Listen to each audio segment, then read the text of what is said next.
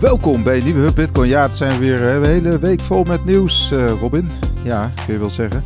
Laten we beginnen met uh, Cointelegraph. Die hadden vandaag een scoop dat uh, ja, de spot ETF, spot Bitcoin ETF van BlackRock goedgekeurd zou zijn.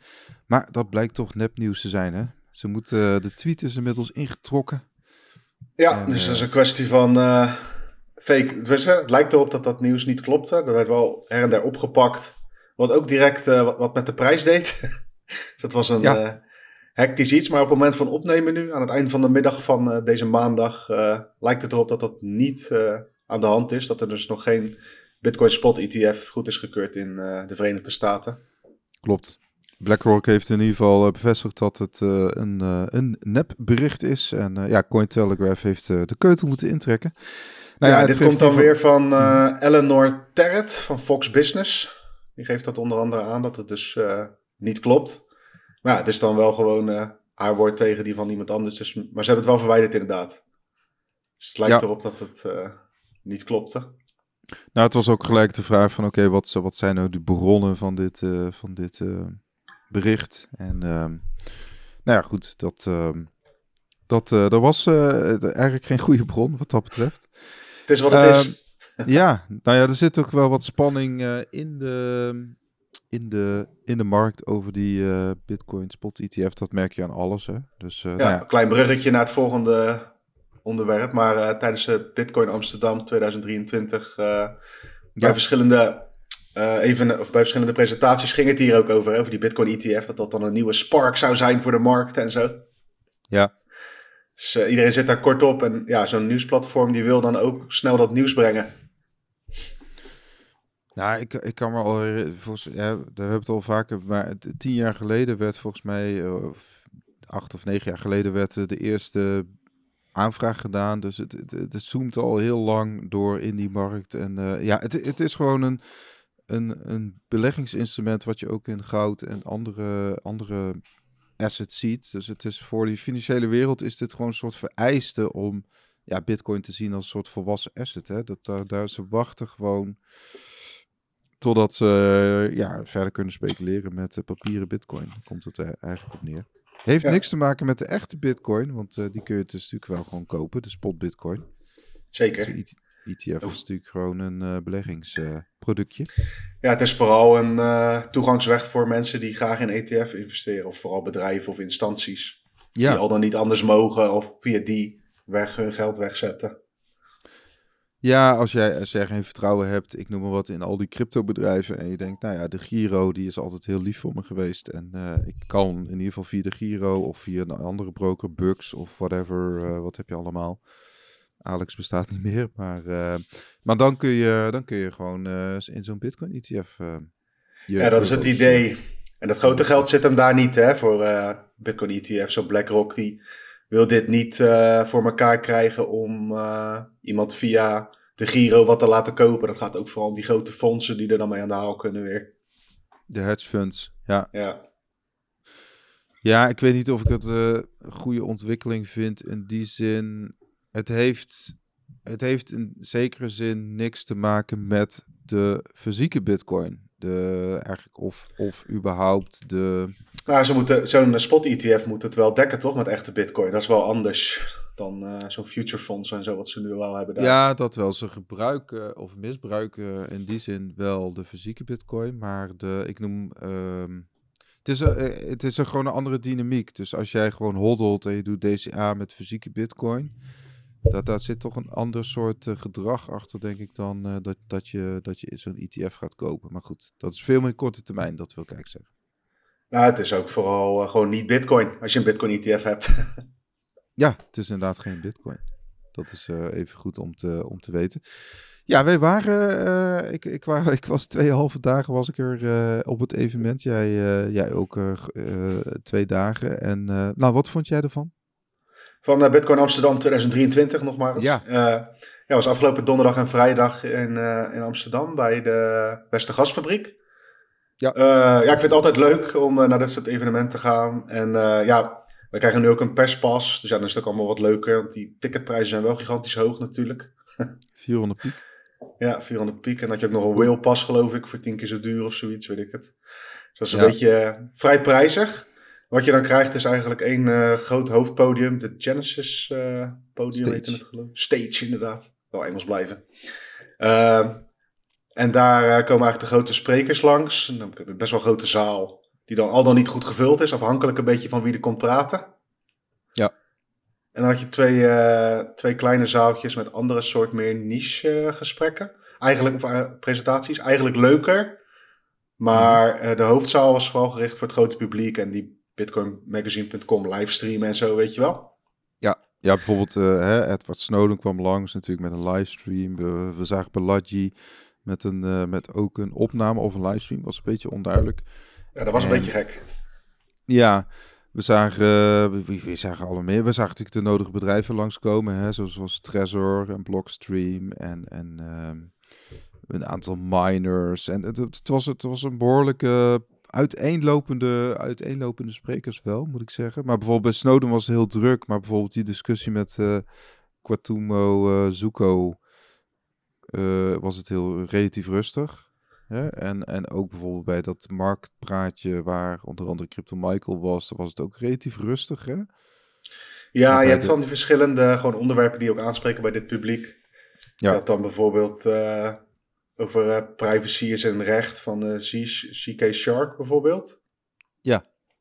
Uh, nou, daar zit dat, er staat een kleine zaaltje, maar die zit wel goed vol. Mensen moeten dan staan. Net als bij een concert, zeg maar. ja. Zo zeggen ze dat wel. Het is wel leuk om te zien. En dat je eigenlijk is het dan gewoon twee dagen bitcoiners ontmoeten en daarmee ook praten. Want dat is vaak toch wel het leukst. En met name ook uh, eromheen, hè, dat je naar uh, de Bitcoin Meetup in uh, Blast Galaxy bijvoorbeeld op woensdag, waar we ook waren. Dat is toch wel meer gezellig. En ja, donderdag en vrijdag is ook wel een beetje afhankelijk van waar je, waar je naar op zoek bent. Nou ja, je dus komt dus ook, we kwamen ook bijvoorbeeld in een hoekje, net zoals vorig jaar had je Ben Ark die lekker aan het knutselen was. Hè? Vooral met Lightning applicaties of Lightning hardware. En dan zag je ook heel veel ja, je zag ook bijvoorbeeld heel veel uh, noodrunners met, uh, met die oranje truien. Die waren ook uh, druk met in dat hoekje bezig. Ja, die, had, die hadden wel gewoon een geweldige tijd samen. Om, om gewoon in ieder geval live met elkaar te knutselen. Klopt. En bij die presentaties, ja, dat gaat dus echt van wat is Bitcoin, weet je, dat soort vragen, tot aan hoe werken derivaten met Bitcoin nou en alles daartussenin. En ook in de kleinere zaaltjes gaat het dan vaak meer over technische zaken of dus meer tussen aanhalingstekens niche privacy dingen en hoe je daar zelf dan een aantal, aantal dingen mee kunt doen. Of waarom dat belangrijk is. Dus het was op zich wel een goede mix. Ja. En, uh, ik denk dat mensen dat ook wel aanspreekt, hè? want je hebt in dat Genesis stage heb je dus een beetje die visionaire praatjes, hè? want denk ja, wat, wat... En eigenlijk in die proof of work stage heb je veel meer van, nou, dit, dit kun je echt concreet doen. Er worden ook gewoon concrete dingen mee gedaan. Of ik kon inderdaad, hè, de geëikte manier was ook gewoon bijvoorbeeld je biertje tappen met, uh, met Lightning. Klopt, ja. Uh, ik score altijd goed op events. Dat was in Praag ook bijvoorbeeld uh, succes. Ja. Ja, goed. kijk, we hebben ook wel gehoord. kijk, bijvoorbeeld mensen die in Praag met een standje stonden, die stonden dit jaar niet op een standje. Omdat bijvoorbeeld zo'n standje was gewoon vier keer zo duur als in Praag. Hè? Dat, dat, dat, hè? Dus dat zijn best wel. dus je, je hebt een bepaalde uh, selectie wel. En bijvoorbeeld in Praag had je bijvoorbeeld ook dat je volgens mij met twee tientjes of onder een tientje kon je ook binnen. volgens mij zelfs 8 euro of zo. En dan kon je zeg maar uh, ja. de praktijkruimte uh, in met, laten we zeggen, ja, ik noem, tientallen stands, zeg maar, best wel grote ruimte. Ja. En hier waren het er een stuk minder. dat is wel een verschilletje. Dus het is wel meer echt voor, ja, eigenlijk ook vooral industrie. Ja. Mensen die uh, bereid zijn om uh, een duur ticket te betalen. Of uh, er was ook een groep mensen die met allerlei bedachte slash uitgezochte kortingscodes goedkopere tickets hadden. Dus. Ja. ja, klopt ja. Dat scheelde zo, dan kon je zo voor 35 of 40 euro kwam je binnen. Ja. Dus dat, dus dat, dat is ook gebeurd. En, ja, er waren ook wel geruchten dat dit, dat dit dan op de een de laatste editie zou zijn. Ja, blijkbaar niet, want ze gaan uh, wel gewoon door volgend jaar. Er werd gelijk ook uh, uh, aangegeven dat je tickets kon kopen voor volgend jaar. Dus nou ja, er komt gewoon een derde editie. ik vond de eerste editie wel wat, wat bruisender, moet ik zeggen. Maar dat is dan ook de eerste keer, weet je wel, in Amsterdam, in Nederland. En Was ook lekker weer, het scheelde ook. Was inderdaad wat lekkerder weer en, en nu regent het wat en zo. En dus dat, dat, dat, dat scheelt. En, en, net, weet je wel, net zoals met een, met een band, uh, de eerste album is altijd makkelijker dan het tweede album. Maar ik vond het nog steeds een hele leuke, mooie editie. Ik denk dat heel veel mensen er ook uh, mooie dagen aan, uh, aan gehad hebben. Ook qua netwerking, denk ik.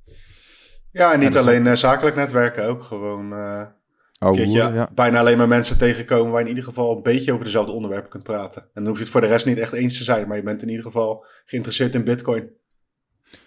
Ja, en je hebt natuurlijk gewoon ja, mannen zoals Adam Beck en de Jameson Lob en, en, en, en Kwatamuku Zuko, die daar gewoon, uh, die, kun je, die zijn ook aanraakbaar, die kun je gewoon ook aanspreken als je wil. Hè? Dus dat, uh, dat, dat zijn wel leuke dingen. Klopt. Het is een heel los, uh, los evenement. Er was toen, ja, niet dan weer. Nou, in Praag liep ook Michael Saylor rond, weet je wel. Gewoon, ja. Uh, nou, dat was dan, iedereen was daar helemaal blij mee op de foto, weet ik het allemaal. Zelf ben ik daar niet zo heel erg van, maar het is wel uh, mooi dat dat kan. Gewoon normaal, ja. zeg maar. Ja, wij, wij hebben ons redelijk low profile gehouden, wat dat betreft. Ja, um, ook, wel, ook leuk. Ja, ja, vind Op, ik ook. Uh, Bitcoinfocus.nl zie je een kleine sfeerimpressie trouwens. Mocht je zoiets hebben van, nou, wat is dat nou eigenlijk en hoe, uh, hoe ziet dat er een beetje uit? Dan kun je bitcoinfocus.nl teruglezen. Um, en ja, nou, eigenlijk... kwamen dus ook uh, Patrick van der Meijden tegen. Dat is ja, de... goed bruggetje. Bruggetje inderdaad. Want nou, hij is de oude voorzitter van de Verenigde Bitcoinbedrijven in Nederland de VBNL. En uh, hij wordt opgevolgd door Bert Groot. Die was ook uh, ja, prominent aanwezig. Natuurlijk Bert de Groot, bekend van Bitcoin Brabant. Het Bitcoin Brabant is eigenlijk een organisatie onder andere uh, ja, miners plaatst bij bedrijven. dus die, die, waardoor bedrijven dus Bitcoin kunnen gaan minen. Nou, hij wordt de nieuwe voorzitter. Hij had heel veel zin in. We hebben hem, wanneer spraken we hem? Tijdens, in Blast Galaxy spraken we hem. Nou, hij heeft heel veel zin in. Want hij moet natuurlijk wel heel veel verschillende belangen gaan behartigen. Hè? Ook, uh, ja, ja want zo'n VBNL bestaat wel broker uit, in uh... Nederland tot, tot uh, miningbedrijven. Of, of hij, hij pleit er eigenlijk ook wel voor... Ja, hij zei ook, ja goed, er moet eigenlijk in Europa ook meer samenwerking ko komen. Hè? Dus dat, dat we niet alleen in Nederland op een eilandje zitten, maar dat je dus ook gaat samenwerken met, uh, met andere belangenorganisaties. Hè? Je hebt bijvoorbeeld Blockchain Association in, uh, in Europa. Daar ja. moet je dan misschien aan denken. Ja, het is wel, uh, het lijkt misschien klein nieuws, maar zo'n lobbygroep is wel belangrijk voor de industrie. Zeker. Zit, er, zit er zelf niet zo diep in, in VBNL en zo, maar ze hebben regelmatig, ze nu weer een rechtszaak tegen DNB. Grotendeels positief uitviel bijvoorbeeld. Ja, nou ja, het is gewoon een aanspreekpunt voor, uh, voor de overheid. Hè? Voor of, ja. of nou toezichthouder is, of ook voor, uh, voor media. Weet je, als, als, als, uh, als, als, als ik noem wel de Telegraaf wil iets weten over de sector. Nou ja, dan kun je Bert opbellen. Dus het is, het is. Alleen ja, ik kan me wel voor. Bert, Bert is natuurlijk wel een, een, een echte hardcore bitcoiner. En, en er komen natuurlijk wel echt dingen op tafel die gewoon. ja, gewoon misschien veel minder gerelateerd zijn aan bitcoin. Ja, het lijkt of me wel een moeilijke ook... positie. Tegelijkertijd. Uh, um, ja, ik denk dat het wel gunstig is dat al die grote en kleine partijen dan wel een plek hebben waar dit soort zaken dan uh, besproken kunnen worden, dan wel gelobbyd voor kan worden enzovoort. Want uiteindelijk is het gewoon een lobbygroep. Ja. Zeg, ja, gewoon uh, goed nieuws, denk ik. Zeker, en ik denk ook wel, uh, tenminste zoals ik hem uh, inderdaad ken, uh, toch wel ook de geschikte vent op die plek. we zagen tijdens, tijdens het evenement ook nog de introductie van een nieuw soort community, de 21 community. Ik weet niet of jij daar iets van meegekregen hebt. Het is eigenlijk volgens mij weer voortgekomen uit de noodrunners. Maar dat is ook wel grappig om te zien, hè, dat al die, wat je hebt nu eigenlijk in Nederland best wel veel soorten communities. Subcultuurtjes. En subcultuurtjes, gewoon ook wel mensen die beroepsmatig bezig zijn met, uh, met bitcoin of met, met, met crypto dan. Dus dat, uh, dat is denk ik alleen maar een positief uh, teken. En het feit ja, dat, dat, ook, dus een dat kan je ook wel goed zien hè, op dit zo'n uh, groter evenement. Omdat je normaal meer de kleine meetups en dat soort zaken zijn toch vooral... Op een gegeven moment zijn het een beetje dezelfde mensen. En nu kwamen er allerlei verschillende groepen tegelijk naar zo'n zo'n evenement. Maar ben jij bijvoorbeeld nou echt verrast door dingen? Nee, ja, kijk, we kunnen het nog even hebben over de. Een aantal bedrijven hadden nieuws uh, bewaard, weet je wel, voor zo'n evenement. Oh ja, goeie, goed bruggetje. Ja, ja, ja. We zijn goed bezig.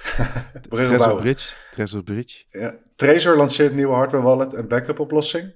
Ging om de Trezor Safe, Safe 3 of 3.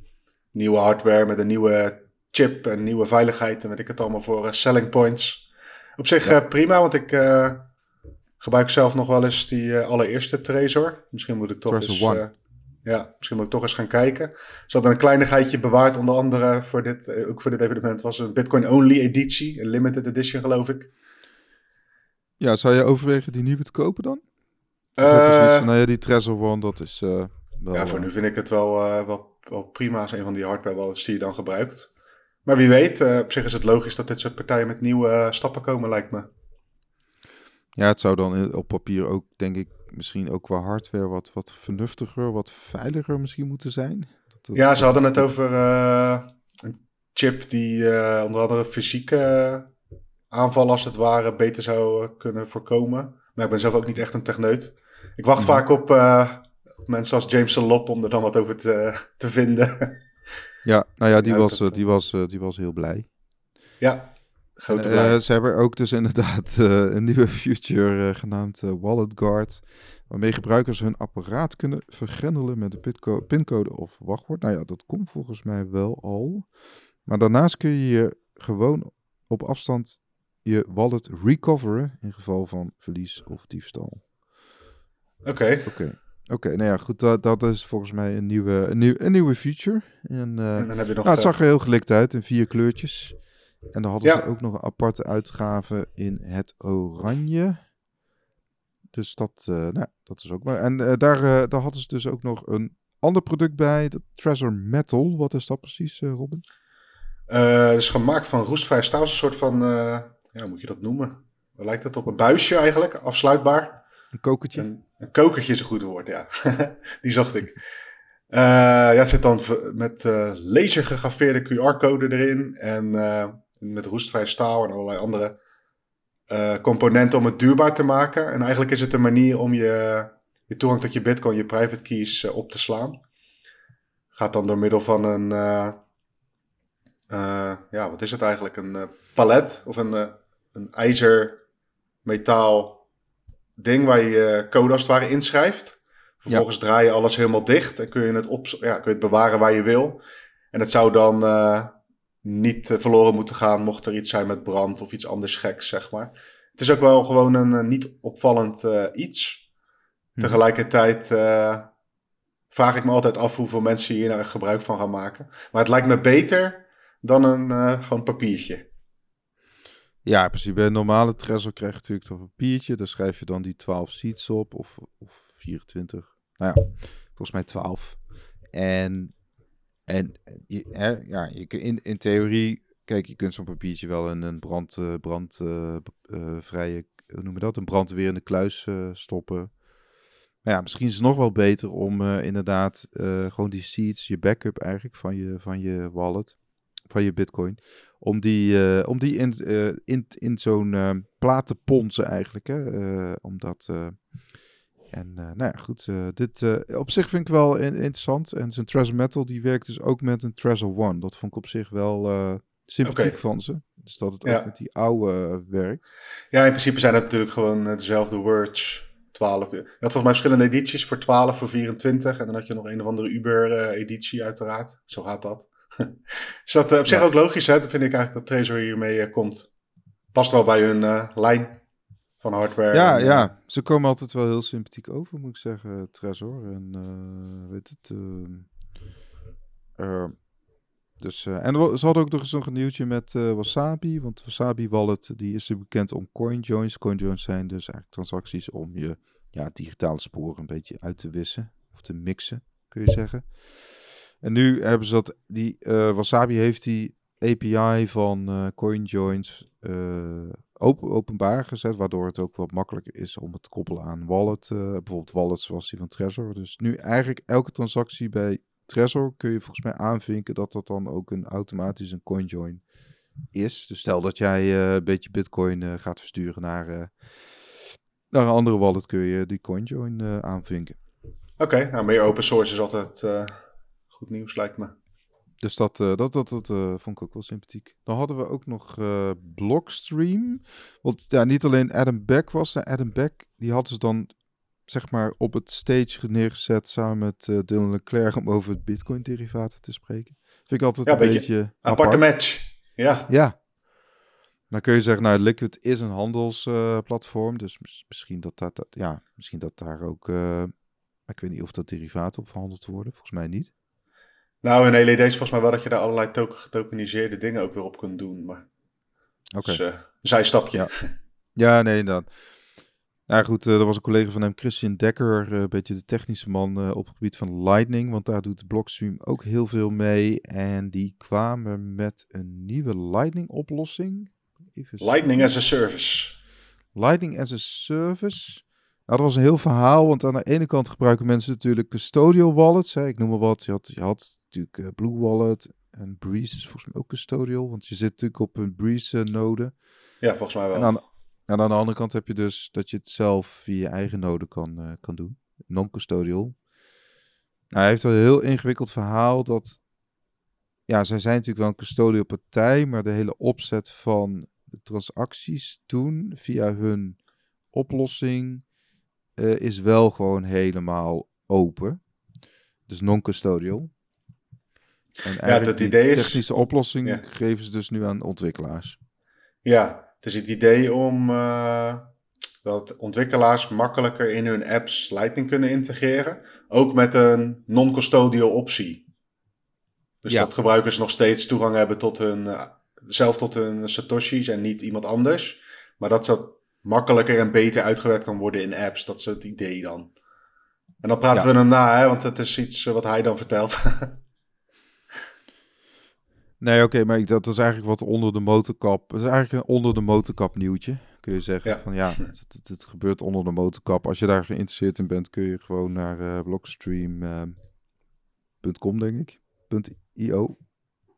Of op uh, bitcoinmagazine.nl zie je het ook nog steeds. Uh, Zeker. dus, dus dat.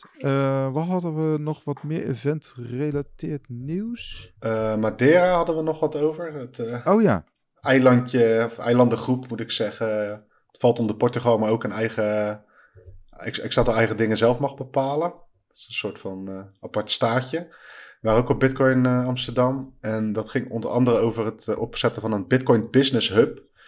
En ja, Madeira is een van die plekken op de wereld waar ook een x aantal Bitcoiners, dan wel ondernemers, zijn neergedaald. Om te kijken of ze daar wat ja, Bitcoin kunnen laten gebeuren, zeg maar. En nu was de president van Madeira, uh, die maakte bekend dat, het, uh, ja, dat zij dus nog meer gaan inzetten daarop. Op zich wel interessant, want het is een uh, onafhank relatief onafhankelijke regio dan. Ligt dichter bij Afrika dan bij Portugal, maar het valt onder Portugal. En die hebben dus een beetje, ja, daar kan je blijkbaar een, misschien een kleine speeltuin creëren van bedrijven die mogen experimenteren en zo. Op zich wel interessant. Oké. Is het vast wel mooier weer dan dan bij ons op dit moment. Ah, toch 22 graden. Dat is toch wel lekker. Ja, dat is beter, ja. Ja, ook wel, wel een beetje regen hoor, maar uh, wel wat warmer in ieder geval. um, dus uh, nou, uh, heel, heel goed. We hadden ook onder andere Jan 3 of Jan 3, die waren ook co-host van een bepaald praatje. Die, dat is ook zo'n bedrijf hè, die ehm, ja, overheden wil overhalen om um, ja, ik geloof daar niet zo in, maar goed. Om met Bitcoin aan de gang te gaan. En dat was volgens mij Miami 2022 dat ook Madeira werd genoemd hè, door, uh, door Samson en uh, Prospera in uh, Honduras. Dus nou, nou ja, waarom niet eigenlijk? Waarom geloof je er niet in? nou, voor mij is dat meer een partij die. uiteindelijk moet een overheid dan eerst zelf geïnteresseerd zijn, toch? Op de een of andere manier. En misschien kunnen zij het dan makkelijker maken om vervolgens te helpen met dat proces. Dus bijna meer uh, consultancy dan, uh, zeg maar, uh, ja, moet ik dat zeggen, een converter of zo. ja, het is eigenlijk meer een, lobby, een lobbyclub voor Bitcoin. Ja, kijk, en daar geloof ik wel in van als er landen zouden zijn die dit actief dan willen gaan doen, dan is het goed om daar je business in te hebben, denk ik.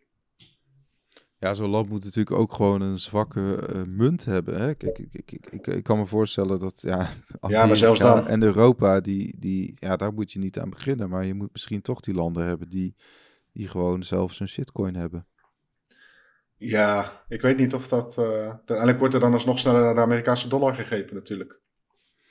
Ja, dat is het, hè. Dat, uh, en dat, misschien is dat wel een puntje van kritiek, want ik denk wel dat bijvoorbeeld stablecoins een beetje een ondergeschoven kindje zijn, terwijl die wel, als je kijkt naar het volume, worden wel gewoon behoorlijk gebruikt, hè. Of dat nou Tether is of USDC. Mm En vaak, ik weet niet, dat hoorde ik in een praatje volgens mij van Preston Pish en James Levish bij Peter McCormack, waarbij het ook gaat over.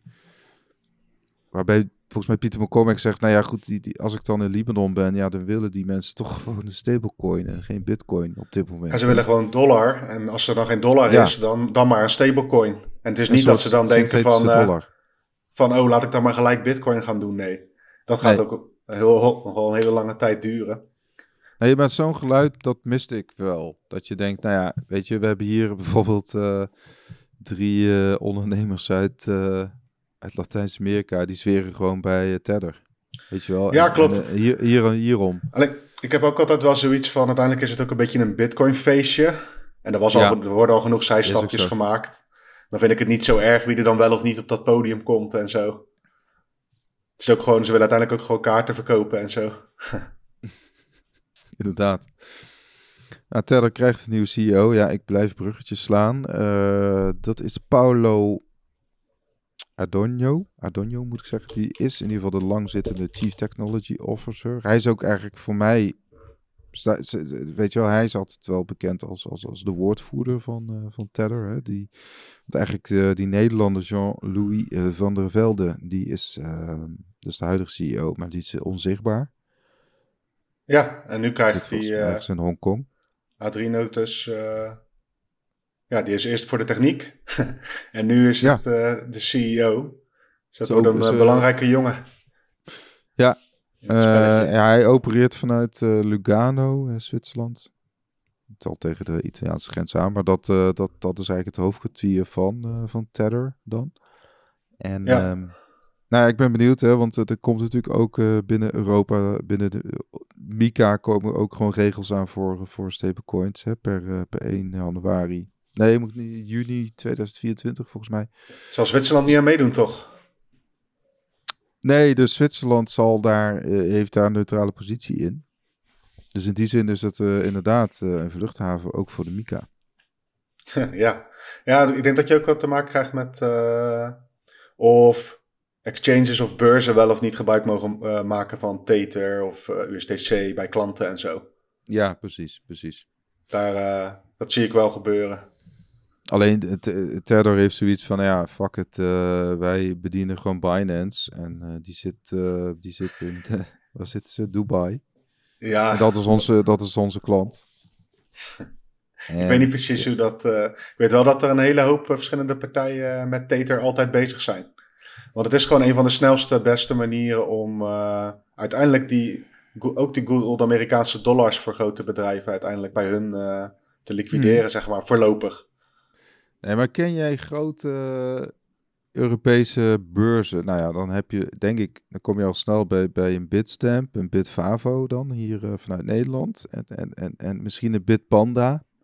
Maar voor de rest zijn het allemaal, allemaal partijen buiten, buiten Europa natuurlijk. Ja, ik, denk ook dat die focus op stablecoins uh, in, in die MiCar, daar zit hem denk ik ook vooral in de uitgifte ervan überhaupt hier in Europa. En daarna zit er ook nog die, uh, de kwestie van wie mag het dan wel of niet aanbieden en wat mag wel en niet. Als je puur kijkt naar het volume van Tether, hè, dan, dan krijg je eerst zes Binance paren. Daarna krijg je Coinbase, Coinbase, Qcoin, maar ook Kraken heeft bijvoorbeeld USDT euro. Dat is, dat de, de, meeste volume. Ja. ja dat, mensen gebruiken dat ook gewoon. Uh, en Bitfinex, et cetera. Bitstamp. Dus het, het, het is, um, ja, hoe zou ik het zeggen? Het, daar heeft Mika helemaal geen invloed op. Op, op, op, dit, op dit onderdeel van de markt hebben ze gewoon geen, gewoon geen invloed nee, kijk, wanneer het invloed zou kunnen hebben, is als je dat idee van die Micar is ook van, uh, kijk, wij hebben dit nu gedaan. En uh, als de rest van de wereld nou ook hiermee begint, dan zijn we een heel eind, weet je wel? Ja. En dan zou het, nou ja. ik denk niet dat dat zo vaak op die manier gaat lopen. Iedereen heeft andere belangen. Elk machtsblok heeft zijn eigen ideeën, plannen enzovoorts, lijkt me. Ja, nee, is ook zo. Nou ja, we, gaan, we gaan zien. Het, het, legt in ieder geval wel druk op de bestaande spelers in Europa. Hè? Dus eigenlijk de, de broekriem voor, uh, voor die spelers wordt steeds strakker aan, uh, aangetrokken. Ja, nou, dat is iets wat uh, zo zal blijven gaan. Zeker als de industrie nog een stapje groter zou worden, ook qua schaal en zo. Dan, ja, dan ga je gewoon richting bankregels, lijkt mij. Of je het nou ja. wil of niet. Ja, en daardoor krijg je dus, hè, want dat wordt ook een interessante, uh, ook bijvoorbeeld voor iemand als Bert de Groot, van ja, hoe, hoe blijven al die leden, hè, hoe blijven al die leden in leven eigenlijk? Want uh, nou, we kunnen toch met recht zeggen, kijk, je hebt uh, bijvoorbeeld een Bitfavo en een Bugs, hè. Kijk, Bugs, het is ook al gewoon al... ja, het gaat ook niet echt om de namen. Het gaat meer om de, zeg maar, de grote spelers en de kleine spelers. Ja, heel ja precies. Er blijven gewoon maar een paar die... grote spelers over. Ja, want die gaan heel anders met die regelgeving. Als je, als het voor iemand van de omzet nog geen procent is van wat ze kwijt zijn aan, aan allerlei legal dingen, ik noem maar even wat, hè? of 10% max. En dan heb je aan de andere kant iemand die uh, met z'n drietjes werkt, maar die ook zo iemand moet regelen. En als er dan maar één iemand, die kan dan maar zoveel doen. Dan wordt het heel lastig opereren vanuit Nederland of in Europa. Ja, kijk, die jongens van Bitcoin Base hebben gewoon, er kwam een zak met geld langs en van kraken. En die dachten, ja, dit is onze kans. We moeten nu, we moeten of concurreren met kraken, of we laten ons gewoon opkopen. En, en dat geldt eigenlijk ook voor partijtjes zoals uh, uh, Anycoin Direct, Bitcoin Money, Satos. gewoon de kleinere partijen. misschien ook wel een Bloks, want van Bloks vraag ik me ook al wat, wat het volume is van ze. Dat, weet je wel, dat, dat soort partijtjes, daar, daar, wat is hun, wat is hun levensdoel eigenlijk? Ja, maar dat is niet aan VBNL. En ook niet aan ons. nou ja, wij mogen er kritische vragen over, over stellen, of niet? Uh, ja, ik heb geen idee van die cijfers. Ik vind het wel een interessante marktvraag namelijk. Want, mm kijk, uh, ja, ik, ik ken, ik, nou ja, goed, de, ik, ik ben gewoon benieuwd naar inderdaad het, het, het, het handelsvolume en in hoeverre, want die, die marges worden ook steeds dunner, zeg maar, maken dit soort partijen winst. En er komen natuurlijk steeds meer compliance kosten aan. Nou, dat wordt wel steeds lastiger inderdaad. Maar dat is dus het, dat is de uitkomst van het beleid. Ja, ja maar dat is denk ik ook het doel van het beleid. Ja, daar lijkt het wel. En dat is bijzonder kwalijk natuurlijk.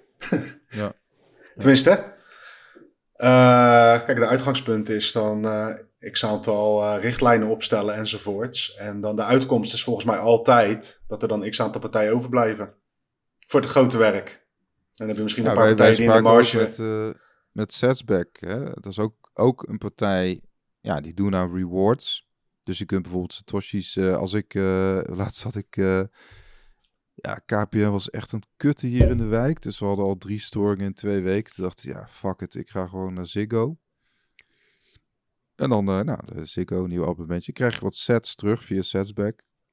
heel leuk. Maar ja, wat, hoe, hoe valt zo'n partij inderdaad uh, binnen? Ja, je hebt heel veel van die partijen die niet, lijken op, ja, die niet lijken op een beurs of broker, die niet eens weten wat er nu gaat gebeuren. En dat gaat voor allerlei verschillende initiatieven op. Ja. En ja. alleen, ja, ik denk dat dat gewoon, uh, dat gaat niet veranderen. Het wordt alleen maar erger. ja, hè? ja, het wordt alleen maar erger, mensen. ja, wat betreft strenge regels voor rondom uh, hoe je met Bitcoin om mag gaan, ja. Laten we positief blijven. Ja, Binance heeft nieuwe maatregelen geïntroduceerd om handelaar te beschermen tegen onbedoeld handelen. Ja, dat was wel een grappig... Wat, uh, wat, betekent dat precies? Grappig nieuwtje. Dat ging over uh, heel veel handelaar. Tenminste, een groot gedeelte van het volume komt ook vanuit API's. Vanuit uh, mensen die hun trades automatiseren op bepaalde manieren. Um, Nu kwam het bij Binance regelmatig voor, blijkbaar. Dat, of kwam het voor dat mensen tegen zichzelf handelden. Dus dat er en gekocht werd en geverkocht via API's vanuit hetzelfde account. Ja. Dus als je, als je dat een paar keer hebt, dan heb je als, uh, elke keer als je dat hebt, maak je als uh, handelaar verlies, want je betaalt ook fees en zo. Mm -hmm. Dus dat uh, proberen ze nu te voorkomen. Oh, Tegelijkertijd denk ik van, um, Volgens mij willen sommige mensen dat ook. om hun, noem wat, om hun coinvolume op te pompen. Dus misschien zit dat er ook wel achter. Maar dat is even speculeren. Ja, ook een partij als Binance, die, die, die ook bij hun gaat natuurlijk die broekriem uh, steeds... Willen, willen zij bijvoorbeeld mensen uit Nederland of, of, of andere Europese landen gaan bedienen? Ja, het, het wordt, ook voor hun worden die regels steeds strenger. Ja, in principe hebben zij al heel lang dat gedaan. Het is nu pas dat dat een beetje uh, teruggedrongen wordt. Dat is ook altijd, uh, dat is ook nog steeds een van de taken hè, van VBNL. Van het bespreekbaar maken van hoe oneerlijk de concurrentie is als er op deze manier beleid gevoerd wordt. Nou is bijna ja. dan e-, even niet mogelijk, maar er zijn tal van opties die niet geregistreerd zijn, waar je gewoon aan je bitcoin kunt komen. Klopt. Blijven even bij de exchanges, want Coinbase had ook een de problemen. Uh, wat betekent dat voor bitcoin? Ja, het probleem is een beetje overdreven. Het ging om uh, lage handelsvolumes. Ja, ja, dat ging over... Uh, in het derde kwartaal van 2023 werd er voor 4, 76 miljard dollar aan crypto verhandeld. Nou ja, we zitten gewoon nog steeds in de bear market, mensen. Dus ja, dat...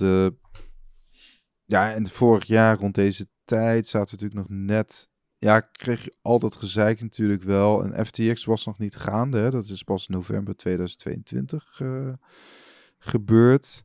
Ja. Dus dat, de mensen zaten nog een beetje.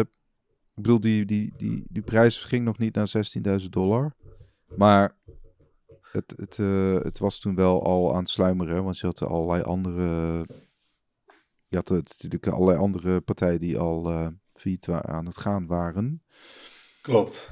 Wat mij opviel dus, trouwens, als we het hierover hebben, over de bear market en zo, en over handelsvolumes. heel veel van de praatjes waar mensen een uh, pak aan hadden, of een uh, heel nette outfit, dan ging het over uh, de volgende boeren. Oh ja.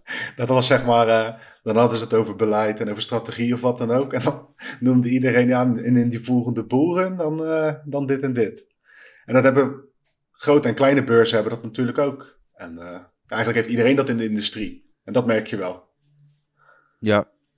Want iedereen heeft op een gegeven moment, uh, of iedereen, heel veel partijen hebben op een gegeven moment een bepaald personeelsbestand opgebouwd, bepaalde verwachtingen ook qua omzet enzovoorts. En als dat dan uh, toch, al, toch al lang, hè, lang uh, tegenvalt qua volume en interesse en groei enzovoorts, want groei is er bijna nergens qua handelsvolume. Dan, ja. Ja, om nou te zeggen dat ze in de problemen zitten hierdoor, dat weet ik niet. Maar het, is wel. Heel veel partijen hebben hier last van. En zo'n Coinbase staat ook nog met hun eigen aandelen op de beurs. Dus daar is dubbel, dubbel speculeren, weet je wel. Van, oh, die Bitcoin-koers gaat niet zo lekker. Ja, nu sprong die dan even omhoog. Maar de Bitcoin-koers gaat niet zo lekker. Het is ook helemaal geen zekerheid dat er een boelrun komt. Ja. Nee. Wie, wie zegt dat dan? Ja. Nee, precies. Maar dat is wel heel vaak de redenatie van uh, volgende stappen ja, je kunt wel zeggen, nou, historisch gezien is dit en dit gebeurd. En daardoor is de kans hè, met, hè, rondom die helving, voor of na de helving, hè, was er historisch gezien altijd wel een, een, stijging. Hè? Maar ja, of dat dit jaar ook weer gebeurt, dat weet je niet. Nou ja, die Bitcoin Spot ETF zit ook nog natuurlijk in de, in de lucht. Nou, dat, dat zou, dat, dat ik voorzie dat... Op de duur gaat natuurlijk de SEC wel overstag, dus dat kan... Dat kan ja, dat denk ik ook wel. Ook, uh, Moet wel. Ja, ze hebben eigenlijk geen verdediging meer, hè, want ze gaan ook volgens mij niet in beroep tegen eh, die Grayscale rechtszaak. Dus eh, op zich, Grayscale mag gewoon hun uh, trust om, om gaan bouwen. Daar lijkt het op in ieder, in ieder geval. Dat is een kwestie van tijd. Nou ja, goed, daar gaat prijs misschien wel een beetje op reageren. Maar, ja, dat, dat, dat, maar goed, dan, dan nog, wat... Wat, wat, nou, je is, weet ook wat, niet hoe het, wat, is een bull market, weet je wel? Nou, precies, je weet niet hoe het uitpakt. Misschien wordt het Bitcoin only deze keer. dat alleen Bitcoin nog wat doet. Ja, en weet je, het is al best wel. Ik vind het best wel knap dat hij, dat hij nog steeds rond die 30.000 of wat is het, uh, eh, 27.000 zit. Uh, ondanks die bear market. Ja, ik heb uh, daar ook niet.